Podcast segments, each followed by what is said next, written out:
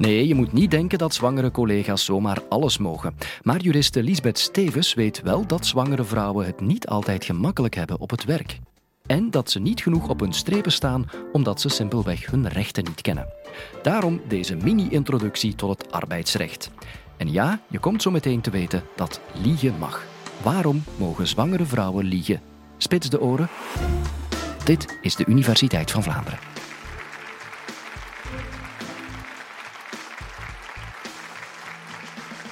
Zwangere vrouwen mogen liegen bij een sollicitatiegesprek, omdat een zwangerschap niet tegen hen mag gebruikt worden.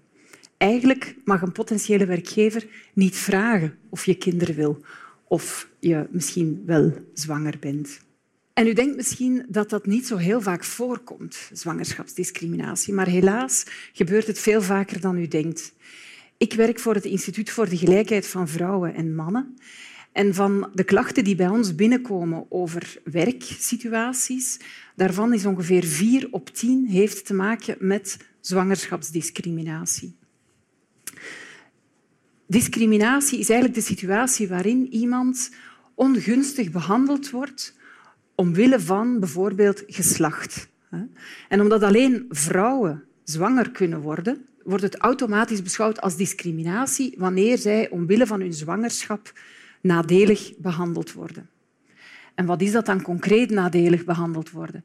Wel, dat kan zijn ontslagen worden, maar dat kan ook zijn dat je bijvoorbeeld een bepaalde promotie niet krijgt of dat je zelfs gewoon niet aangeworven wordt of dat je op het werk gepest of gekoeioneerd wordt door je collega's of je chef omdat je zwanger bent. Al die situaties zijn verboden discriminaties. En uit onderzoek blijkt dat dat heel regelmatig voorkomt. Drie op de vier vrouwen in België geeft aan dat naar aanleiding van hun zwangerschap zij op het werk problemen hebben gehad. En een heel deel van die problemen zijn echt juridisch ook discriminaties. Toch zien wij maar een heel klein deeltje daarvan bij ons op het instituut gemeld worden. En dat heeft onder meer te maken met het feit dat volwassen mensen eigenlijk heel weinig leren over de rechten van zwangere vrouwen. Voor we echt van start gaan, wil ik uitdrukkelijk opmerken dat er ook heel veel werkgevers zijn die heel hard hun best doen om wel op een correcte en aangename manier met hun zwangere werknemers of met de jonge papa's in het bedrijf om te gaan. En dat we dat ook nooit uit het oog mogen verliezen. Maar er zijn toch wel wat situaties waarin het fout loopt. En het begint vaak dus al bij de sollicitatie en eigenlijk voor er zelfs maar sprake is van een zwangerschap. Je gaat solliciteren en een van de vragen die je voorgeschoteld krijgt is heb je een kinderwens of ben je zwanger? Ben je misschien zwanger? Wel, als je daar eerlijk zou op antwoorden, dan is het risico heel erg groot dat die informatie tegen jou gaat gebruikt worden. En daarom mag je liegen. Je mag ook verbergen dat je zwanger bent. Je hoeft het niet zelf te zeggen. En als het expliciet gevraagd wordt, mag je liegen. Want eigenlijk mag die werkgever helemaal niet vragen of jij van plan bent om zwanger te worden of kinderen te krijgen. En als je dat dan doet, je liegt en je krijgt de job en je bent dan later wordt het duidelijk dat je zwanger bent, dan mag de werkgever die informatie en het feit dat je gelogen hebt ook niet tegen jou gebruiken in een evaluatiegesprek of bijvoorbeeld om je alsnog te ontslaan. Je bent dan beschermd. En datzelfde geldt ook voor mannen trouwens. Als het zo zou zijn, in de praktijk gebeurt dat bijna nooit, maar als het zo zou zijn dat mannen een vraag krijgen over hun kinderwens, dan zouden ze ook zij mogen zeggen ik ben bijvoorbeeld helemaal niet geïnteresseerd, terwijl ze weten dat er bijvoorbeeld al een kindje op komst is. Stel, je bent aan de slag en je bent zwanger. Wat nu? Wel, misschien heb je de neiging om het goede nieuws te melden aan je collega's uh, in de cafetaria of zo, of in de wandelgangen. En dan moet ik je toch een beetje voor waarschuwen, dat doe je beter niet. Het is namelijk zo dat je beschermd bent op het werk als je zwanger bent, maar pas vanaf het ogenblik dat de werkgever officieel op de hoogte is van jouw zwangerschap. En je hebt er dus eigenlijk alle baat bij om hem dat zo snel mogelijk te laten weten, maar wel op een manier zodat je een bewijs in handen hebt. En dus is het beter om dat bijvoorbeeld met een aangetekende brief te doen of om het medisch attest eh, van de arts dat je zwanger bent aan de werkgever over te maken en een ontvangstbevestiging te vragen Of gelukkig, in moderne tijden kan je het ook doen met een e-mail die je dan best wel naar meerdere mensen richt en ook naar jezelf, zodat je ook een bewijsje hebt dat die mail goed verstuurd is geraakt. Vanaf het ogenblik dat de werkgever weet dat jij zwanger bent, ben je beschermd. En die bescherming loopt gedurende de hele periode dat je zwanger bent, in bevallingsverlof bent en tot een maand na je terugkeer op het werk. En je mag in die periode niet alleen niet ontslagen worden, je ontslag mag ook niet al stiekem voorbereid worden, zodat de dag dat je terug bent na je eh, bevallingsverlof je alsnog ontslagen wordt. De werkgever mag geen voorbereidingen treffen voor jouw ontslag in de hele beschermde periode. Er zijn drie specifieke situaties waar we even nader moeten naar kijken. Ten eerste als je aan de slag bent al met een tijdelijk contract. Want we weten eigenlijk dat er drie grote uh, risicogroepen zijn voor uh, discriminatie omwille van zwangerschap. Dat is uh, mensen met een tijdelijk contract, mensen die laag opgeleid zijn, bijvoorbeeld mensen die in de poetsdiensten werken of die ehm, in winkel, als winkelbediende aan de slag zijn, en ook mensen die moeilijke zwangerschappen hebben. Maar goed, mensen met een tijdelijk contract, wiens contract niet verlengd wordt omwille van hun zwangerschap, Juridisch-technisch is dat geen ontslag omwille van hun zwangerschap. Dus zou je misschien denken, dat zal dan niet beschermd zijn. Of daar zal je dan niet tegen beschermd zijn. Maar niets is minder waar, want wat doet een werkgever die beslist om een contract niet te verlengen omdat je zwanger bent? Die houdt rekening met je zwangerschap om je niet aan te werven. En ook dat is een verboden discriminatie. En bij gevolg um, mogen werkgevers ook uh, je niet een verlenging van je contract ontzeggen, louter en alleen omdat je zwanger bent. Dan is er de spijtige situatie dat heel wat zwangerschappen eindigen met miskramen. En dat is iets waar eigenlijk dat weinig geweten is, maar ongeveer 10 procent van alle zwangerschappen eindigt met een miskraam. Het kan zijn dat dat gebeurt als jouw werkgever al weet dat je zwanger bent. En bij gevolg is een ongunstige behandeling, bijvoorbeeld een ontslag of uh, dat je geen promotie mag maken, hè. Um, die ongunstige behandelingen zijn ook verboden als, um, als dat is om, omwille van het feit dat jij een miskraam hebt meegemaakt. Dan is het wel belangrijk dat je werkgever ook op de hoogte is dat bijvoorbeeld de afwezigheden die je hebt omwille van medische redenen door die miskraam, dat hij weet dat dat te wijten is aan een miskraam.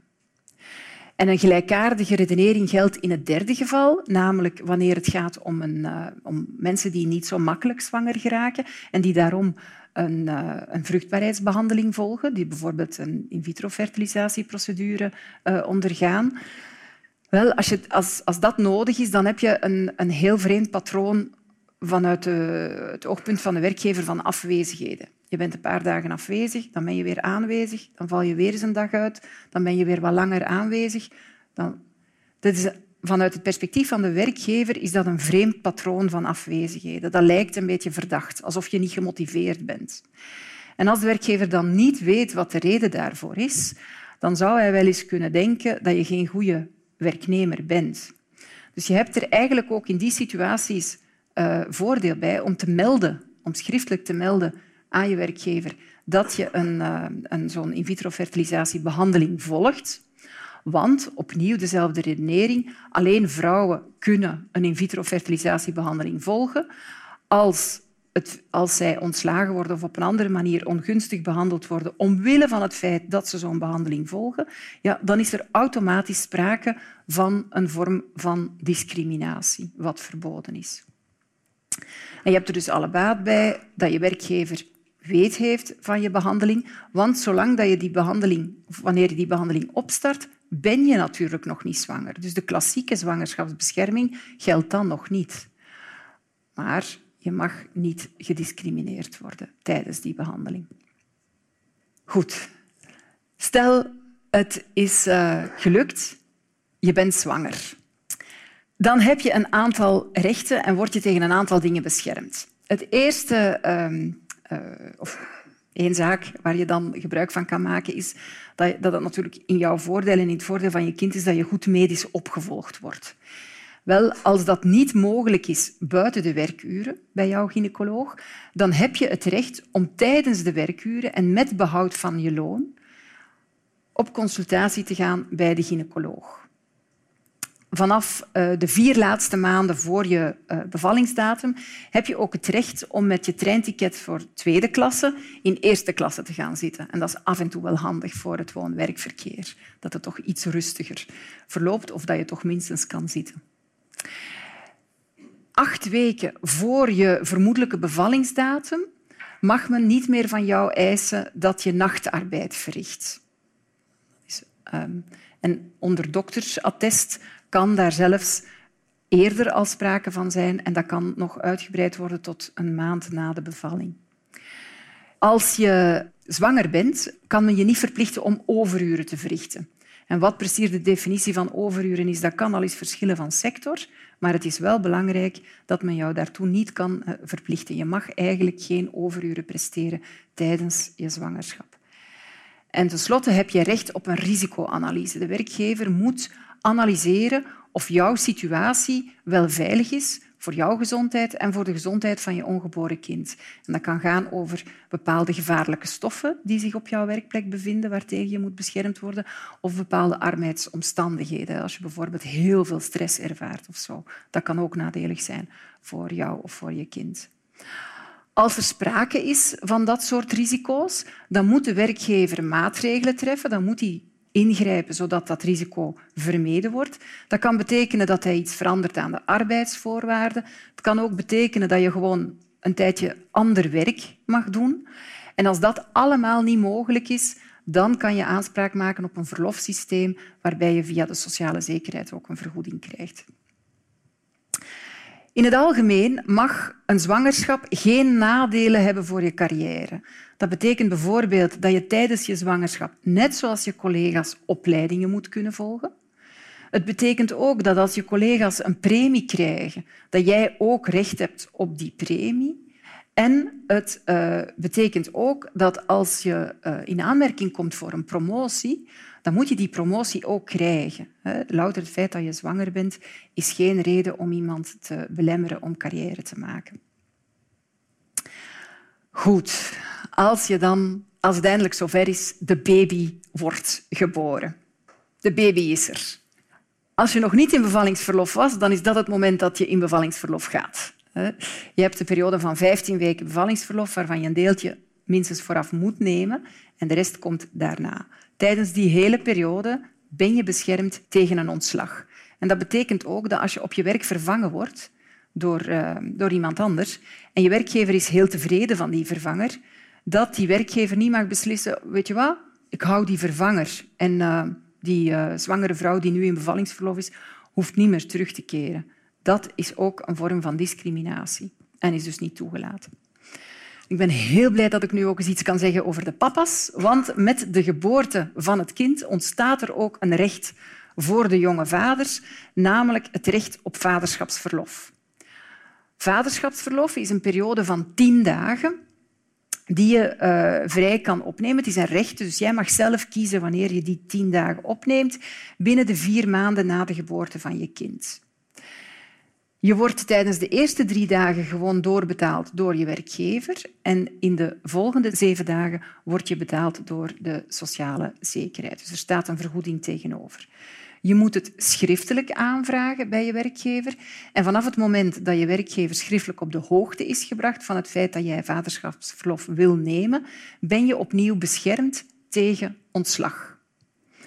Je bent wel alleen maar beschermd tegen ontslag en niet tegen allerlei andere mogelijke nadelige behandelingen, omwille van het feit dat je je vaderschapsverlof opneemt. En wij van het instituut vinden dat eigenlijk niet eerlijk, niet correct. Wij vinden dat wij jonge papa's net zo uitgebreid zouden moeten kunnen beschermen als jonge mama's. En met andere woorden, dat onze bevoegdheid om uh, jonge papa's te beschermen tegen alle vormen van nadelige behandeling er zou moeten komen. En daarvoor moet de wetgever ingrijpen. De wetgever moet volgens ons ook uh, iets doen aan de periode zelf. We kunnen moeilijk verwachten dat uh, mannen zorg opnemen voor hun kinderen en hen daar vervolgens eigenlijk maar een heel klein beetje tijd voor geven. Tien dagen is echt wel heel weinig om een band te creëren met je uh, babytje. Dus wij zouden ook heel graag zien dat die periode uitgebreid wordt voor papa's. Ouderschapsverlof is een ander systeem van verlof. En zoals het woord het zelf zegt, hebben zowel jonge mama's als jonge papa's recht. Alle ouders hebben recht op ouderschapsverlof. Ouderschapsverlof is een periode van vier maanden per kind. En uh, die, dat verlof moet je opnemen voor je kind 12 jaar wordt. Je mag het opnemen voltijds, dat wil zeggen in blokken van een maand, maar je mag het ook opnemen deeltijds. En je mag het zelfs opnemen met een dag per week. En de allerlaatste flexibilisering van het systeem is dat je het mag opnemen met een halve dag per week. En we zien in de praktijk dat vooral die flexibele opnames heel populair zijn, vooral bij mannen. Ouderschapsverlof blijft nog steeds voornamelijk uh, iets dat vrouwen opnemen, maar we zien dat het ook enorm aan populariteit wint bij jonge papa's. Als je dan, alle verloven zijn helaas hè, afgelopen, je moet terug aan de slag of je mag terug aan de slag. Je gaat weer naar het werk, dan heb je recht op je job die je had voor je in bevallingsverlof ging. Je, je job van toen, of als die job niet meer bestaat, een bedrijf kan hervormd worden in de periode dat je afwezig bent, dan toch minstens een functie die gelijkwaardig is. En je hebt ook het recht om aan dezelfde arbeidsvoorwaarden, dus dezelfde regels in verband met loon en uren, terug aan de slag te gaan. En als er in de periode dat jij afwezig was verbeteringen zijn doorgevoerd voor iedereen in het bedrijf aan de arbeidsvoorwaarden, dan heb jij daar automatisch ook recht op als je terug aan de slag gaat. En als dat allemaal niet zo gebeurt, is er weer sprake van discriminatie. En dat brengt mij bij uh, de conclusie van het college. Het antwoord op de vraag, mogen zwangere vrouwen liegen? Ja, ze mogen liegen. Ze mogen natuurlijk alleen maar liegen over het feit dat ze zwanger zijn en alleen maar tijdens het sollicitatiegesprek. Ze mogen niet zeggen dat ze rijbewijs hebben als ze geen rijbewijs hebben.